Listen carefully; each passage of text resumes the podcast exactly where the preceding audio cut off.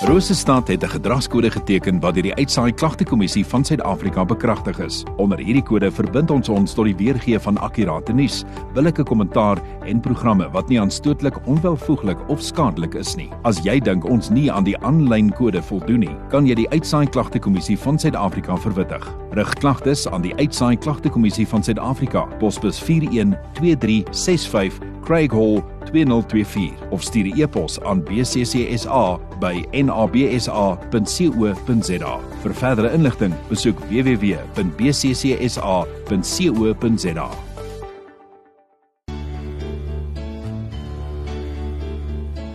Tyd vir oggendgodsdiens op 100.6 FM.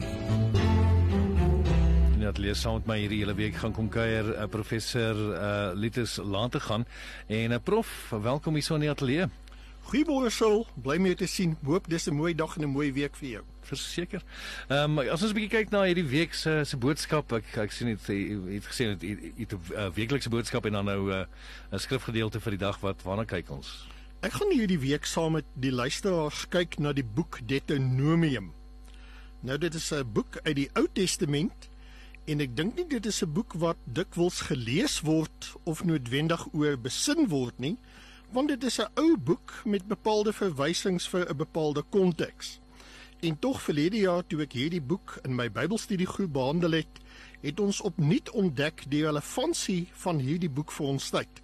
So luisteraars, hierdie week gaan ons stap deur die boek Deuteronomium en vanoggend wil ek vir julle 'n algemene oorsig gee, maar julle kan solank die Bybels oopmaak dan by Deuteronomium hoofstuk 1.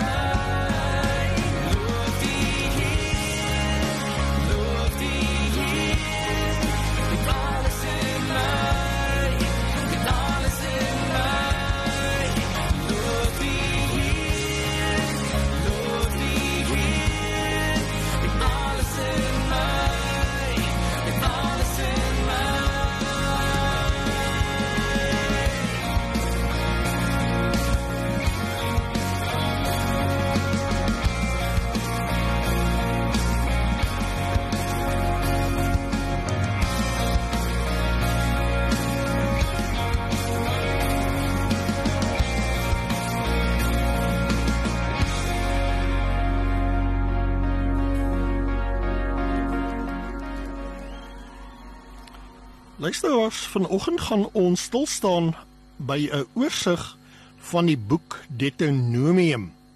Nou net sommer 'n paar interessante opmerkings oor hierdie boek. Kronologies is dit die 5de boek in die Ou Testament en wanneer 'n mens aan hierdie boek dink, dan is die eerste assosiasie wat opkom 'n nuwe geslag Israeliete wat gereed maak om die beloofde land in te trek. Hierdie boek met sy 34 hoofstukke is vol interessanthede. Sake na my oordeel wat baie relevant is vir ons dag en waarvan ons dan ook kennis kan neem van die beginsels en die riglyne wat vir ons neergelê word. 'n Verdere interessantheid van hierdie boek is dat mense dikwels Moses as die alleen outeur van hierdie boek wil aandui. Maar een lastigheid om Moses dan nou die alleen outeur te maak is dat hier word in die slothoofstukke van hierdie boek dan berig oor Moses se afsterwe en ook begrafnis. Dus dit sou beswaarlik moontlik vir Moses gewees het om dan ook oor hierdie gebeure dan te kon skryf. Nietemin, die Bybel is vol interessanthede, maar die Bybel, belangriker nog, is vol belangrike beginsels vir ons lewe elke dag. Nou soos ek aan die begin gesê het, dit is dalk nie 'n boek wat dikwels gelees word, besin word of selfs oor gepreek word nie, maar dit is 'n boek met belangrike riglyne vir die Christelike lewe in 'n openbare konteks. Ek het gedink dit is goed as ons miskien net eers vra maar van waar sou die naam van hierdie boek kom? Nou interessant genoeg, hierdie boek ontleen nie sy naam aan die Hebreëse taal waarin die Ou Testament geskryf is nie, maar dit kom eerder uit die Griekse vertaling van die Ou Testament wat bekend staan as die Septuaginta. Nou hiervolgens sou die boek Deuteronomium beteken die tweede wet. Deutos die verwysing na 2 en nomos wet. Nou dit beteken allermins dat daar 'n tweede wet is in die sin van dat die wet wat by Sinaï gegee is glad nie meer geld nie. Dit is eerder 'n bevestiging dat die wet nog 'n keer aan die Israeliete gegee is om daarmee aan te dui dat die Here 'n bepaalde bedoeling met sy volk gehad het. Nou sou 'n mens hierdie boek van hoek tot kant deurlees dan is daar 'n opmerking waarby ek baie aanklank vind.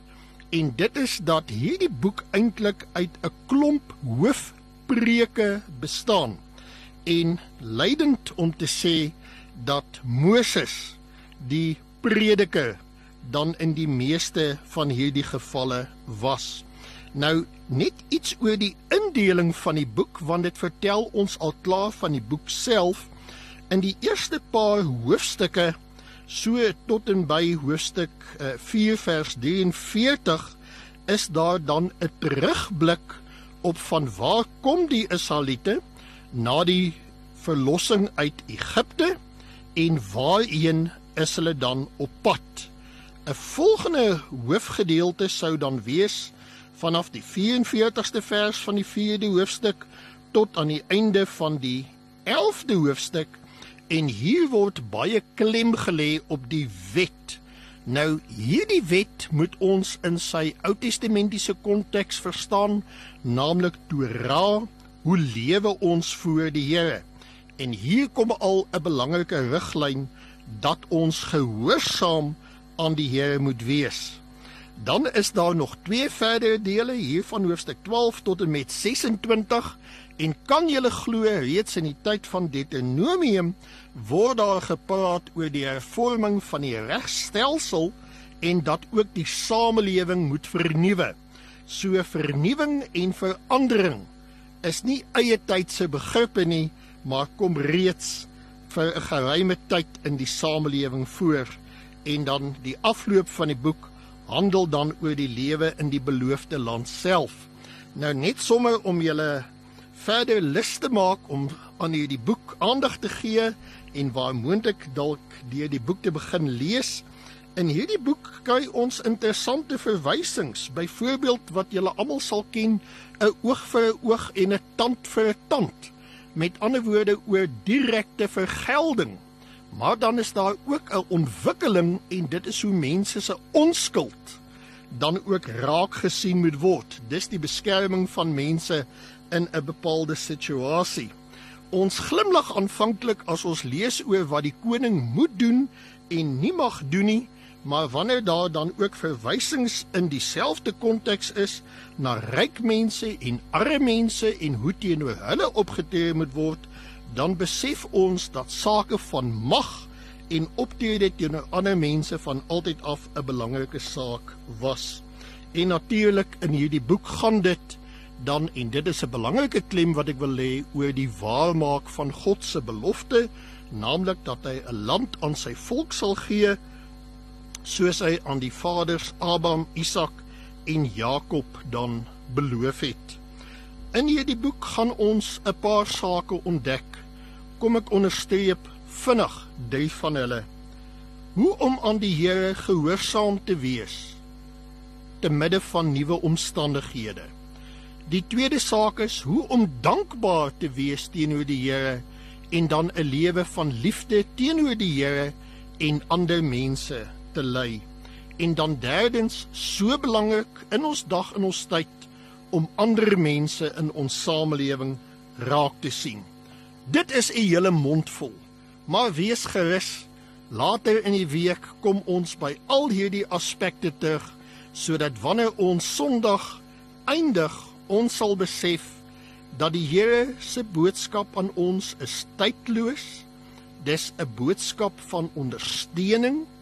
Dit is ook 'n rigtingwysing waarna ons moet luister sodat ons ook ons lewens sinvol kan inrig.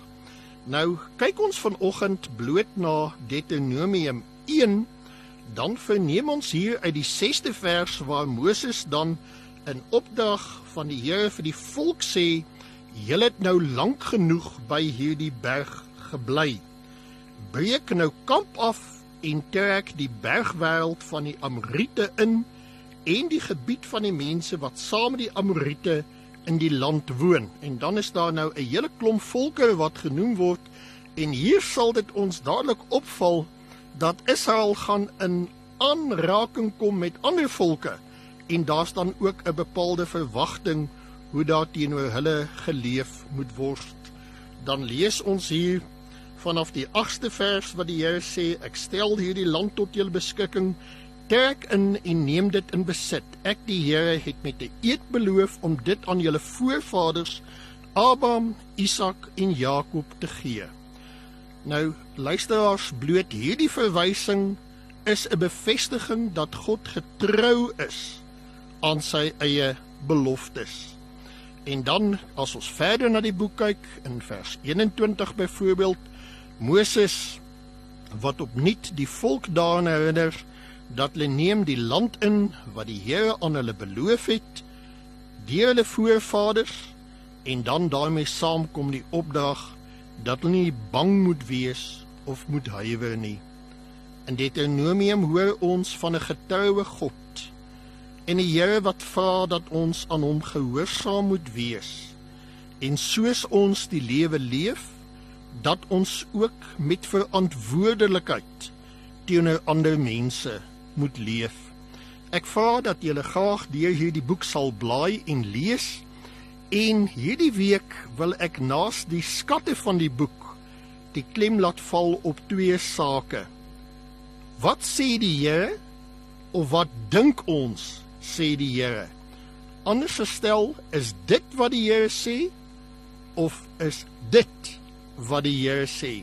So dikwels wil ons ons eie idees vooropstel en ons moet tog buig voor die gesag van die woord. Met dit gesê, kom ek bid vir ons saam. Here, dankie vir die rykdom van u woord. Dankie dat dit 'n tydlose woord is Dankie dat u woord gehoorsaamheid vra. Dankie dat u woord ons bring by 'n lewe van dankbaarheid. Ons vra om vandag verantwoordelik teenoor mekaar op te tree en ons vra dat ons met waagmoed sal lewe in die lig van u liefde vir ons. Seën ons in hierdie dag. Ons bid dit met danksegging in u naam. Amen.